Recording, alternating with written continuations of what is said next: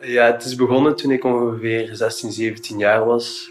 Um, ja, ik ben jong en ik zat ook op de scouts en dan begin je al eens te experimenteren met alcohol. En dan gaat dat verder.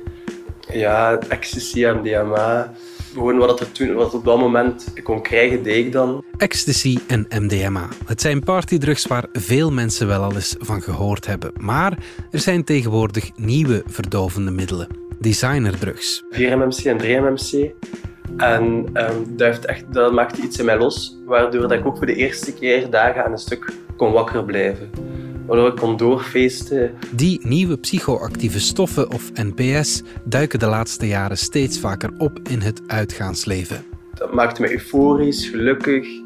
Um, iets waar ik nuchter moeilijk kon ervaren. Het gebruik ervan neemt in Europa toe. Zoveel is bekend. Maar wat merken wij daar in ons land van? En wat weten we eigenlijk van designerdrugs? Journalist Anouk van Kampen ging in gesprek met specialisten en met de jongeren bij wie het gebruik van één van die drugs na verloop van tijd uit de hand liep. Ik denk dat ik dat pas te laat heb beseft. Dat ik eigenlijk niet goed bezig was. Maar dan op een gegeven moment kreeg ik ook signalen van mijn lichaam dat ik eigenlijk voor mezelf al zag maar ik bleef wegvluchten omdat ik de confrontatie niet durfde aan te gaan.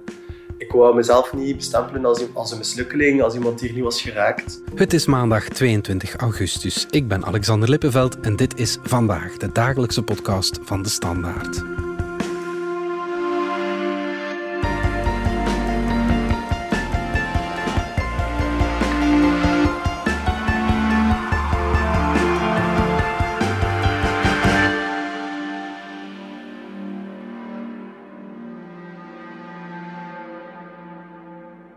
Nieuwe psychoactieve stoffen, NPS, dat is een verzamelterm voor een hele groep van nieuwe, redelijk onbekende drugs.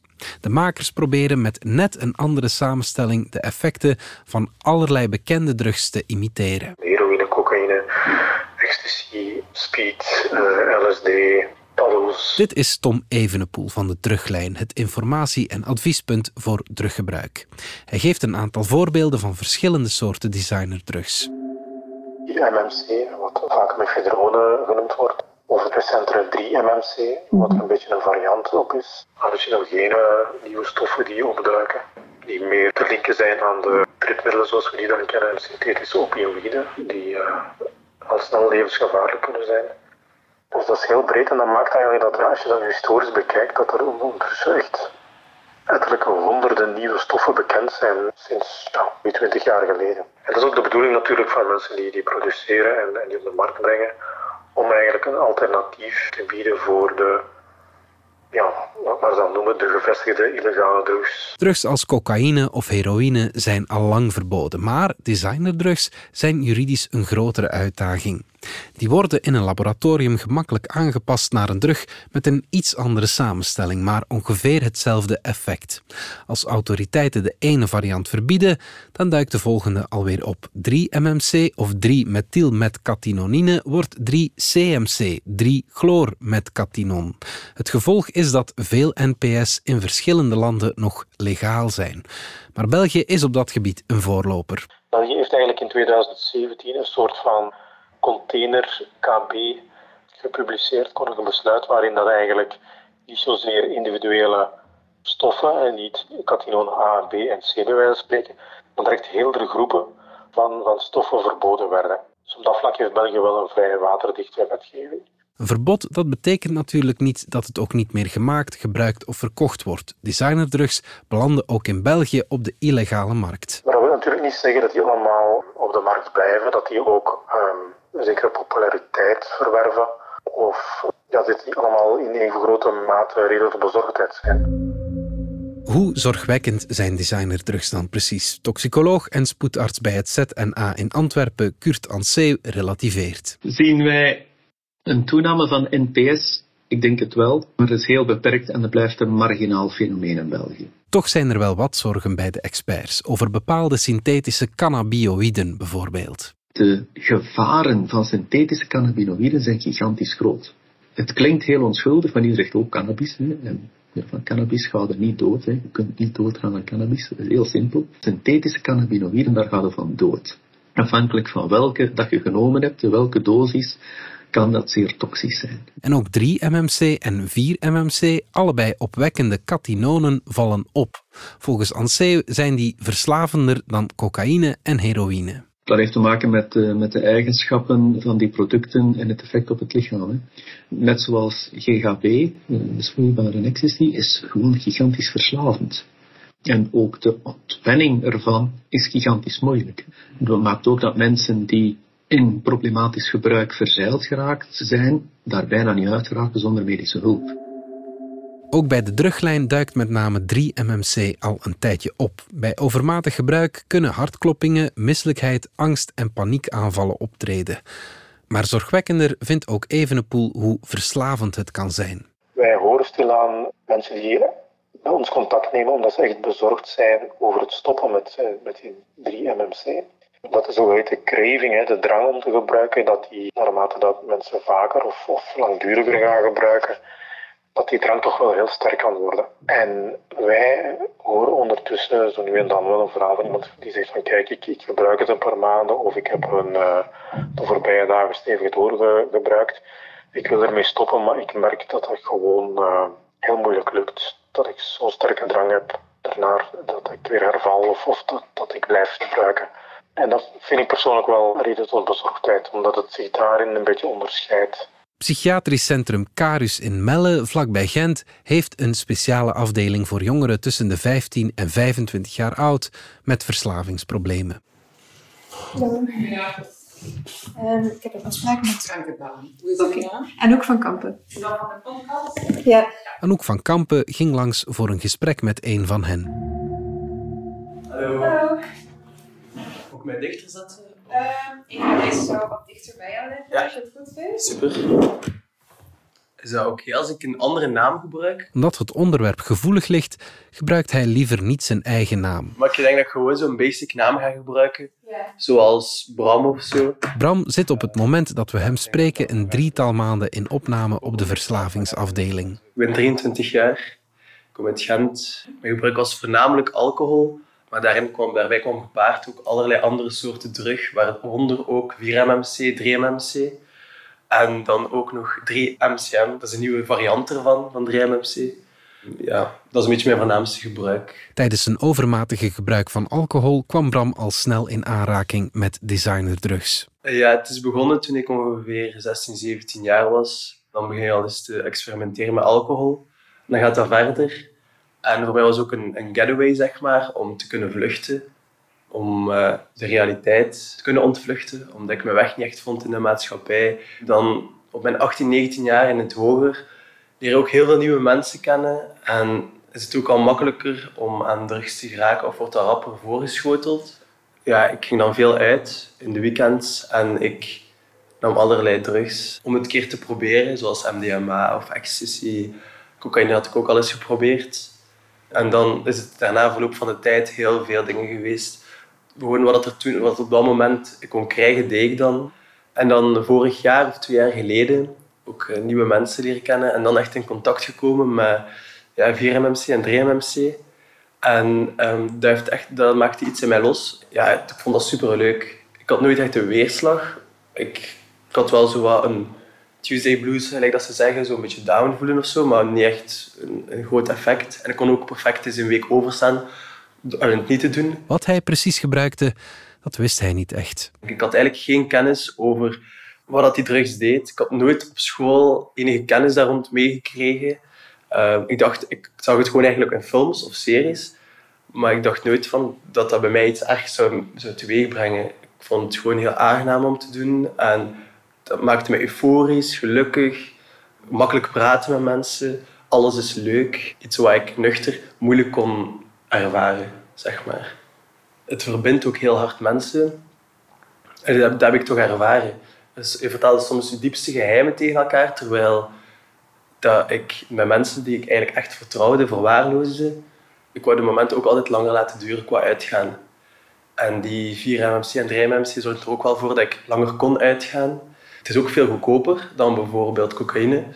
Mensen die dan minder geld willen uitgeven, gaan dan makkelijker grijpen naar 3-MMC of 4-MMC. Ik kon perfect functioneren. Allee, perfect, dacht ik, eerlijk gezegd. Want ik ben ook mensen tegengekomen dat ik onder gebruik was, ik clean mensen dan en die ook zeiden van ja, je zag er niet echt goed uit. Maar vanaf wanneer spreek je eigenlijk van verslaving? Hoofdarts bij Carus, Remy Spiers, vertelt over verschillende stadia van gebruik totdat je kunt spreken van afhankelijkheid. Mensen experimenteren met middelen, gebruiken middelen, gebruiken regelmatig middelen, misbruiken middelen en raken verslaafd of afhankelijk. En dat onderscheid tussen misbruik en afhankelijkheid is heel belangrijk omdat je een aanpak totaal anders is. Omdat bij misbruik heb je een overdreven gebruik van middelen, hè, dat je te veel gebruikt, dat je impact hebt op je sociaal leven, familiaal leven, op school, werk. Maar wat erbij komt, en dat is het grote verschil, wat erbij komt bij afhankelijkheid, en dat is voor mij het criterium, dat is craving en dat is controleverlies. En craving is uh, de drang hebben, die, die, bijna die lichamelijke behoefte hebben naar middelen, niet alleen psychisch, maar bijna een drang hebben naar. Dus dat is die craving. En het tweede belangrijke onderscheid is dat controleverlies. Dus waarbij dat als je begint te gebruiken, dat je veel meer gebruikt dan dat je van plan was. En waarom is dat belangrijk? Omdat een keer dat je in een verslaving zit, dan spreekt men, men zegt verslaving is een chronische hersenziekte. En hij heeft dat ook aangetoond dat er definitief zaken veranderen in je hersenen. En dat je dus heel diep van binnen in je hersenen hebt je genotcentrum. En daar zit er dan prefrontaal zit je controlesysteem. Dus wat gebeurt er als je te lang te veel gebruikt of wanneer dat je erfelijk belast bent, gaat dat systeem niet goed meer werken. Dus je zegt, enerzijds krijg je een verstoring van dat genotcentrum, waardoor dat je die craving krijgt. En anderzijds krijg je dus minder en minder controle. En dus op een bepaald moment krijg je dan dat die controle dat die wegvalt. En dat je remmen doorschiet. En vandaar, mensen die bij ons komen, die bij ons in opname komen, die zitten eigenlijk, dus die zitten eigenlijk al in die fase van afhankelijkheid, verslaving. Voor Bram ging het langzaam van recreatief gebruik tijdens het uitgaan richting misbruik en uiteindelijk verslaving. Ja, ik heb ik denk ook als je jong bent dat je een bepaald gevoel hebt dat je altijd onoverwinnelijk bent. Dat je altijd verder en verder kan gaan. Ik denk dat ik dat pas te laat heb beseft. Opeens begint het ook voor te komen in de week. Omdat ik ook wel in de week dronk. En dan ja, begon ik heel impulsief te worden. En dan hadden een paar mensen toevallig een dag vrij daarna. En die gingen uit. Dan ging ik met hun op schok. En dan... Ik had geen tijdsbesef meer. Na een tijd. Ehm, en ik moest echt heel lang stilvallen om terug een week een week te laten worden. Maar dan op een gegeven moment krijg ik ook signalen van mijn lichaam. Ik krijg ook waanbeelden omdat je al zo lang wakker bent. Dat is voor geen enkel persoon gezond, denk ik, om zo lang wakker te blijven.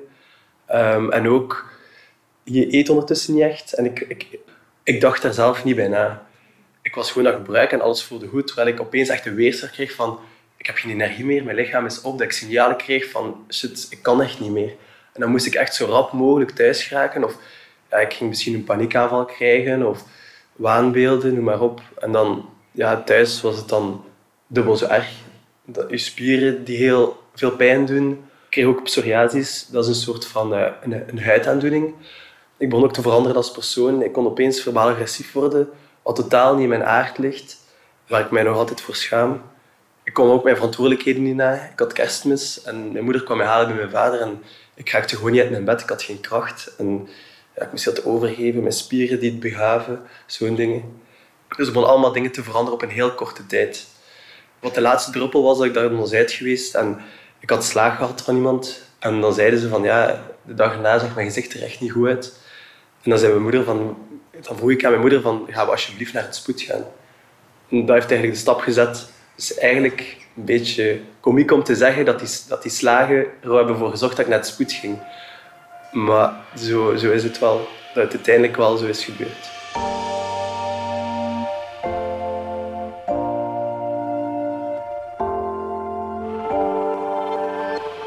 We gaan er even uit voor reclame.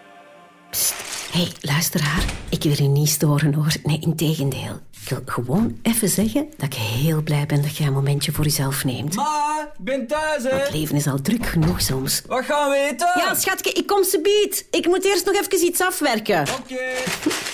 Zeg, iedereen verdient een momentje voor zichzelf. En net zoals dat jij van je podcast geniet, geniet ik om even verder te werken aan mijn Lego-bouwwerk.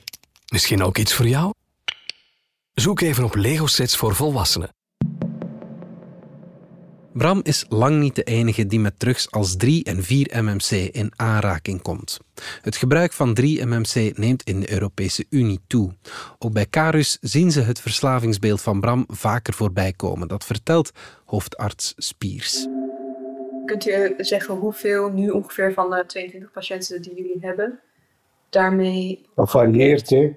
maar dat het vermeld wordt, zeker, zeker 20 procent, denk ik. En zelfs mensen met enkel en alleen dat. En heeft u enig idee hoeveel dat bijvoorbeeld vijf jaar geleden was? Al veel minder. Dat is er zo geleidelijk aan ingekomen. En de laatste paar jaar zit dat er bij wijze van spreken standaard in. Het zit hier blijkbaar in de portefeuille van de, van de dealers, want ay, de meeste kopen het ook gewoon van hun dealer. Hè. Sinds de coronacrisis is het extra druk op de afdeling en groeien de wachtlijsten. Volgens mij zijn er heel veel onder de radar gebleven in heel die lockdownperiode, omdat ze niet geconfronteerd werden met de buitenwereld. En hebben zij kunnen blijven doorgebruiken en zelfs toename van gebruik gehad. En zeggen ze een keer dat die versoepeling gekomen is, is, is er eigenlijk pas aan het licht gekomen van hoeveel gasten die, die echt van gewoon gebruik echt in problematisch gebruik gekomen zijn. Omdat er veel minder sociale controle was. Ja. En door vereenzaming dat ze nog meer beginnen gebruiken zijn. En dan hebben we gezien, sinds eind vorig jaar, begin dit jaar, zie je het aantal systematisch stijgen. Maar uiteindelijk zitten wij voortdurend volzet eh, Ja. met de wachtlijst. Het gebruik van 3-MMC of andere designerdrugs loopt niet bij alle gebruikers uit de hand. Vaak worden deze drugs recreatief in het uitgaanscircuit gebruikt, door gebruikers die ook al veel met andere illegale drugs in aanraking komen.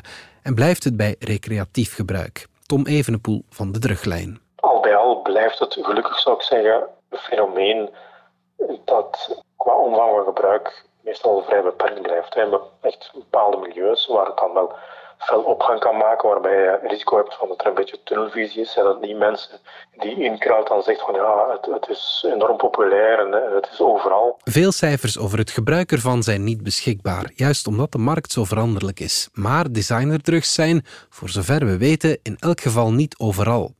Toch zijn er wel wat elementen die de aanpak en behandeling van NPS moeilijker maken dan de meer bekende drugs. Dat er vrij gemakkelijk aan te komen is bijvoorbeeld mede omdat het niet overal illegaal is. Het zou een beetje eh, cliché zijn om te zeggen van ja, als het eh, regent in Amsterdam, dan, dan eh, druppelt het in Antwerpen of in Brussel qua druggebruik. Maar tot op zekere hoogte gaat dat wel op. En ik denk dat in elk geval voor Vlamingen, hè, omwille van het, de taal die we eigen hebben in Nederland, dat mensen dan misschien al sneller geneigd zijn om, om naar Nederlandse webshops en dergelijke te gaan kijken. Maar ook het feit dat er zo weinig over bekend is, is een valkuil. Een gebruiker is in feite zijn eigen proefkonijn. Dat is een beetje een rode draad qua risico's. Hè, van, van eh, nogmaals, zo'n webshop, dat lijkt er oké uit. En dan denk je misschien van, goed, het zijn betrouwbare dingen. Of dat is correct gedoseerd of correct gelabeld. Maar als je de voorbije 15 jaar bekijkt, dan zijn er echt wel eh, tot en met uh, overlijdens gebeurd. Omdat mensen iets namen, ja, het zijn allemaal maar poedertjes. En dan denken ze van, ik, ik neem stof aan, blijkt het toch iets anders te zijn. Of... Uh, het blijkt veel zuiver te zijn, uh, zuiverder te zijn dan iemand vermoedde. Er is weinig geweten over hoe doseer je dat best. Wat is een, een vanuit het perspectief van iemand die gebruikt een, een menselijke dosis en wat is een overdosis. Daar is niet altijd evenveel informatie over. En het hangt zo'n beetje, ja, hangt zo'n beetje het aura rond van oké, het, het lijkt legaal. Hè. Nogmaals, het is dan correct om te stellen, het is vaak nog niet illegaal. En ja, dat, dat geeft zo'n zweem van veiligheid mee. Mensen die het gebruiken zijn vaak een beetje, ja, zijn vaak een beetje proefkonijnen. En ook op lange termijn is er heel weinig geweten, omdat dat gewoon niet onderzocht. Hè. Van een drug zoals ecstasy of cocaïne of noem maar op, of heroïne, weten we door tientallen jaren onderzoek van wat kan er fout gaan bij langdurig gebruik. Zowel qua verslavingspotentieel, maar ook qua gezondheidsrisico's. En van sommige stoffen worden er gesteld van, kijk, zijn die uh, potentieel kankerverwekkend, ja of nee? Ja, dat weten we gewoon niet. Uh, dat zal met de tijd moeten blijken. Bram denkt dat betere voorlichting zou kunnen helpen. Nu is er een heel autoritaire aanpak. Gewoon een groot kruis over, doe het niet, maar zonder eerst alle informatie rond te geven, wat dat de effecten zijn, wat dat de, de mogelijke oorzaken, de gevolgen vooral zijn. Um, daar wordt er te weinig op ingegaan, vind ik. Het meeste over drugs leerde hij eigenlijk pas in de kliniek. En nog belangrijker, hij leerde er over zichzelf. Um, eerst en vooral had ik een gevoel van, ik ga hier gewoon heel veel leren over drugs. Wat dat, dat doet met mensen, hoe dat, dat, wat dat, zich inhoudt en wat verslaving betekent. En dat is ook zo, daar leert je ook zeker over. Maar voor mij wat vooral heel hard heeft geholpen, is hoe dat ik als persoon ben. Want elke gebruiker heeft gebruikt om een bepaalde reden om bepaalde dingen te onderdrukken of om te vluchten van bepaalde zaken. Voor hem zijn voortaan alle soorten drugs, ook alcohol, geen optie meer. Op café gaan, nog iets gebruiken, dat is voor mij totaal uitgesloten. Dus ja, een dateje en zo, of, of een Canada draaien of dergelijke, dat zeker aan vast. Ik ben zoveel jaren gebruiker geweest dat ik nu mezelf eigenlijk aan ontdekken ben. Wat voor werkpunten dat ik heb, maar ook vooral mijn talenten. Ehm, en die wil ik ook gaan omzetten in mijn dagelijks leven later. En in de maatschappij is er ook altijd een bepaalde druk van je moet er zo uitzien of je moet zo zijn of zo zijn. En dat ik dat nu ook van mij aflaat. Van, dat hoeft eigenlijk totaal niet. Ik ben gewoon wie dat ik ben en ik zal wat tegenslagen ervaren, sowieso. En daar leren we ook hiermee omgaan. Ik heb nu de afgelopen ma twee maanden geleden voor de eerste keer echt terug geluk ervaren. Wat dat voor mij inhoudt. Ik had een bepaalde frustratie. En ik keek naar buiten en er was een bepaalde bries. En ik zag vogels en de wind door de bomen. En dat maakte mij zo rustig en alles klopte weer. Dit was vandaag de dagelijkse podcast van de Standaard. Bedankt voor het luisteren. Volg ons op Spotify, Apple Podcast of eender welk ander podcastplatform. In onze gratis FDS podcast kan je niet alleen ons werk beluisteren, maar ook de beste podcasttips voor op vakantie of ergens onderweg. Met zorg geselecteerd door onze redacteur Max de Moor. Alle credits van de podcast die je net hoorde vind je op standaard.be-podcast. Reageren kan via podcast.standaard.be. Morgen zijn we opnieuw.